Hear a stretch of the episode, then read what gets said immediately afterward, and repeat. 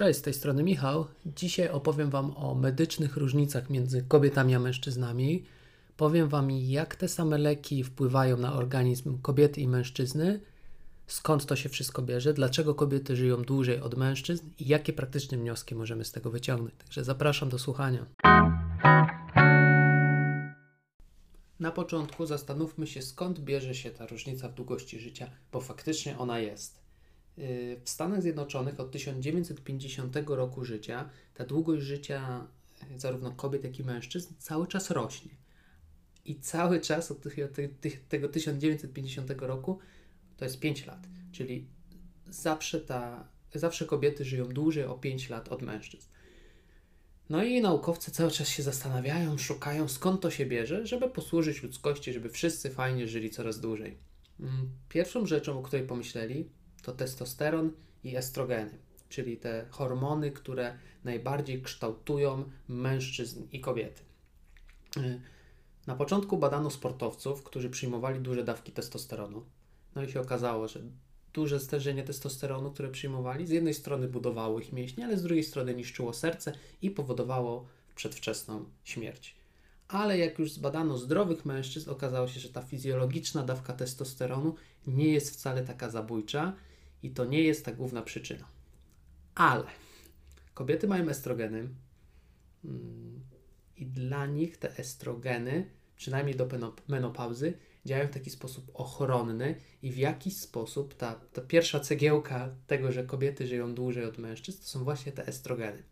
Po pierwsze, dzięki estrogenom kobiety mają lepszy, więcej tego lepszego cholesterolu niż mężczyźni. Bo tak, mamy w naszym ciele, w naszym organizmie cholesterol dobry i cholesterol, cholesterol zły. Zły cholesterol LDL i cholesterol dobry HDL. I jeśli chodzi o cholesterol zły, to kobiety i mężczyźni mają tak samo go, stężenie statystyczne oczywiście, ale jeśli chodzi o ten dobry cholesterol, to kobiety mają go troszkę więcej. I tu jest upatrywane, że to daje taki pierwszy efekt tej długowieczności w stosunku do mężczyzn. Druga rzecz to jest rozkład tkanki tłuszczowej. Ogólnie rzecz biorąc, kobiety mają tkanki tłuszczowej więcej niż mężczyźni ale mają ją w innych miejscach. Mamy tkankę tłuszczową w okolicy bioder, czyli tu, gdzie kobiety mają więcej tkanki tłuszczowej, i tkankę tłuszczową tą trzewną, brzucha. I tu mają, tu przeważają, niestety wygrywają mężczyźni, a badania pokazują, że ta tkanka tłuszczowa okolicy brzucha trzewna jest dużo bardziej groźna niż ta okolicy ud.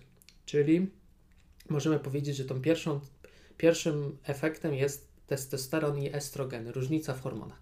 No i tu niestety faceci nic nie mogą zrobić, nie można zmienić tego testosteronu i estrogenów. Drugą rzeczą, którą już, na którą już mężczyźni mogą mieć wpływ, i, i zaraz o tym powiem, jest izolacja społeczna. Izolacja społeczna, czyli brak, brak kontaktów międzyludzkich, jest określany jako czynnik ryzyka chorób serca. Czyli ci, którzy nie mają znajomych, nie spotykają się z przyjaciółmi, nie utrzymują kontaktów z rodziną, są bardziej narażeni na zgon, na choroby sercowe niż kobiety. Um, ogólnie rzecz biorąc, kobiety y, lepiej radzą sobie w interakcjach międzyludzkich, bardziej dbają o te interakcje zarówno z rodziną, z przyjaciółmi, jak i z sąsiadami, czują wsparcie i psychicznie i fizycznie dzięki temu uzyskują dużo, dużo zalet, dużo, dużo z tego wszystkiego biorą. Czyli mm, mężczyźni pod tym względem kolejna cegiełka, która sprawia, że kobiety żyją dłużej od mężczyzn, jest te, te stosunki społeczne. I trzecią, trzecią taką też dość ważną, y, ważnym efektem jest chodzenie do lekarza. Y, kobiety średnio, przynajmniej u mnie w gabinecie, ale widzę, że to jest statystycznie ważne, chodzą około 3 razy częściej do lekarza niż mężczyźni. Z czego to się bierze? No tak, moja teoria jest taka kobiety bardziej znają swoje ciało i są bardziej wrażliwe na wszystkie zmiany. Możliwe, że, że jest to związane z, z hormonami, w sensie, że od najmłodszych lat uczą się swojego organizmu, zarówno w przypadku miesiączki, jak i innych, innych chorób, znają bardzo swój organizm i wiedzą, kiedy coś jest nie tak.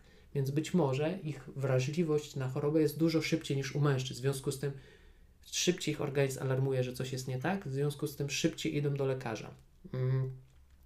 No i w związku z tym, z tych, o tych trzech rzeczach, których powiedziałem, czyli różnice hormonalne, yy, stosunek do społeczeństwa i chodzenie do lekarza, z tych trzech rzeczy dwie mężczyźni mogą zmienić i zachęcam ich do nich. Częściej chodzimy do lekarza, szybciej, nie lekceważcie, nie ignorujcie swojego organizmu, bo wydaje mi się, że nie jesteśmy tak dobrze wyposażeni kobiety w taki system wczesnego ostrzegania i u nas jak nasz organizm już nam wyraźnie powie, że coś jest nie tak, to może być troszkę za późno. A druga rzecz, wychodźmy częściej, spotykajmy się z kolegami, z przyjaciółmi, z rodziną, y, pracujmy nad tymi interakcjami społecznymi, nie izolujmy się, bo spotykanie się z przyjaciółmi, ze znajomymi to jest coś, co wpływa na nasze zdrowie. W latach 1997-2000 w Stanach wycofano 10 leków z obrotu i na te 10 leków 8 zostało wycofanych z tego powodu, że dawały duże efekty uboczne u kobiet albo przede wszystkim u kobiet. Mm, no było to bardzo zastanawiające. Wiele osób doszło do tych danych i zaczęło zastanawiać się o co chodzi. No bo słuchajcie, mm, żeby dopuścić jakiś lek, żeby był na półce, żeby można go było kupić, mm, musi przejść bardzo dużą drogę. Dużo czasu, dużo pieniędzy, dużo osób jest zaangażowanych w to, żeby, żeby lek był dostępny dla pacjentów. Trzeba go zbadać i trzeba udowodnić, tak w skrócie, dwie rzeczy: że on działa i że jego działanie przewyższa efekty uboczne, czyli nie jest groźny dla zdrowia i życia, a efekty uboczne, które są, no nie przewyższają tego działania terapeutycznego. No to takie proste, logiczne. Pierwszą rzeczą, jaką się robi, wynajduje się daną substancję. Pierwsze, co bada się na liniach komórkowych, czyli poddaje się działaniom komórek i sprawdza się, jak ta substancja wpływa na te komórki, co się z nimi dzieje. I tu już pojawia się pierwszy problem. W Stanach Zjednoczonych 86% linii komórkowych jest niewiadomego pochodzenia, w sensie nie wiadomo, czy to są linie komórkowe męskie i żeńskie, a badania pokazują, że to jest bardzo ważne, że linie komórkowe męskie inaczej reagują na substancje niż linie komórkowe żeńskie. Kolejnym etapem jest badanie na zwierzętach. Substancja przechodzi pierwszy etap, idziemy do drugiego, czyli badania, badania na zwierzętach. I tutaj 80% zwierząt, które było badanych, poddawanych danej substancji, to są męskie, osobniki męskie, zwierzęta. Trzeci etap, jak podejrzewacie, ludzie. Jeśli chodzi o ludzi, 67% poddawanych danej substancji badaniu leku to są mężczyźni. No i tu się pojawia problem. Kobiety inaczej reagują na wiele leków, inaczej je metabolizują, i to jest coraz bardziej podnoszony temat, że ciało mężczyzny, ciało kobiety, no jak wiemy, wszyscy jest różne, ale jeśli chodzi o leki, o dawkowanie leków, też musi być brane pod uwagę. Skąd to się bierze? Dlaczego firmy farmaceutyczne badają przede wszystkim mężczyzn? Bo jest łatwiej. Niestety, kobiety poddawane fluktuacjom hormonalnym całkiem inaczej mogą zareagować na lek przed miesiączką, w trakcie miesiączki, po miesiączce, podczas menopauzy, przed menopauzą. Y, u kobiet jest bardzo trudno osiągnąć jakieś takie stabilne wnioski i spowodować, jakby osiągnąć ten, ten, ten fajny efekt. I dlatego można powiedzieć, że firmy farmaceutyczne trochę idą na skróty, na łatwiznę, badając przede wszystkim mężczyzn, bo pod tym względem jest łatwiej. Chciałem Wam powiedzieć o takim leku jak Zolpidem. To jest lek nasenny.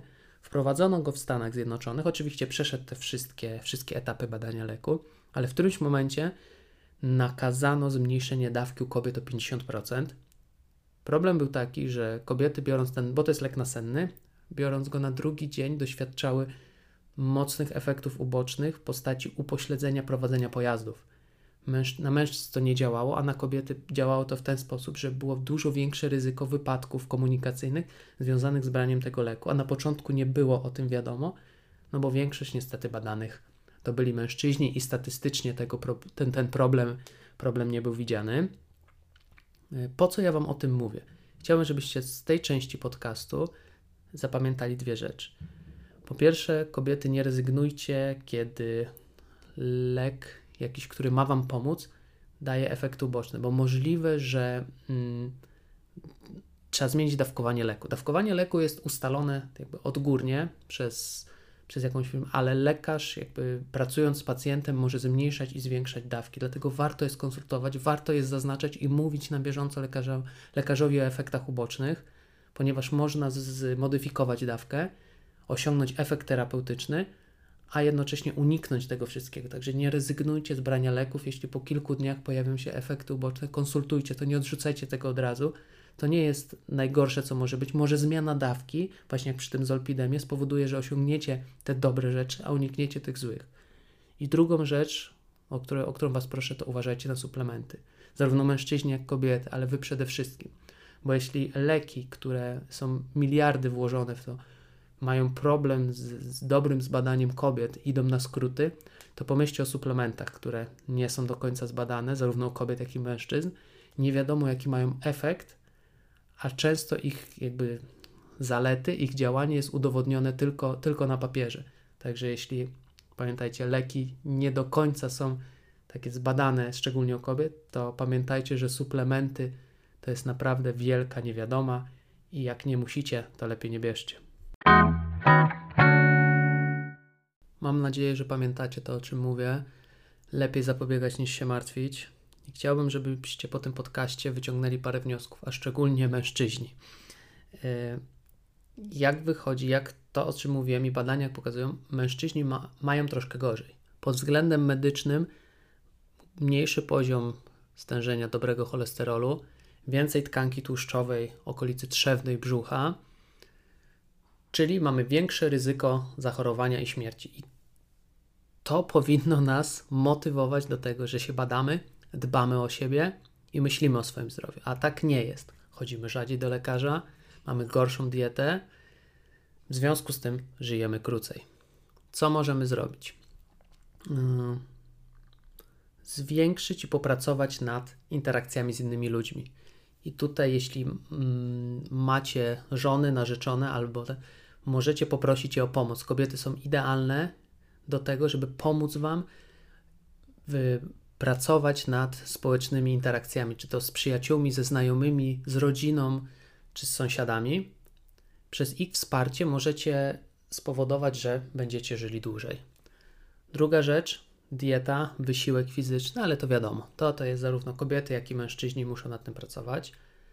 Mm, chciałbym też poprosić Was, żebyście bardziej obserwowali swoje ciało, nie lekceważyli informacji i objawów, które wasz, wasz organizm Wam wysyła. Mówię do mężczyzn przede wszystkim, do kobiet też, ale mężczyźni, moim zdaniem, z moich obserwacji, mają większą tendencję do lekceważenia. Mamy gorszy system ostrzegania, później to u nas działa, dlatego powinniśmy działać. Coś się dzieje, idźcie do lekarza, konsultujcie, rozmawiajcie. A wasze partnerki, żony, mówię do was kobiety, jeśli macie mężów, narzeczonych, yy, wspierajcie ich w tym, motywujcie do tego, żeby się badali, dbali o siebie, bo badania pokazują, że jeśli e, partnerzy są zdrowi, czy to w małżeństwie, w narzeczeństwie, to ogólny poziom szczęścia jest większy. Nawet nie trzeba na to badań, logiczne, jest to logiczne, ale wspólne dbanie o siebie jest bardzo ważne. Musimy wykorzystywać swoje wady i zalety w ten sposób, żeby wspierać się w tym, w tym całym zdrowiu. Dbajcie o siebie, pilnujcie się.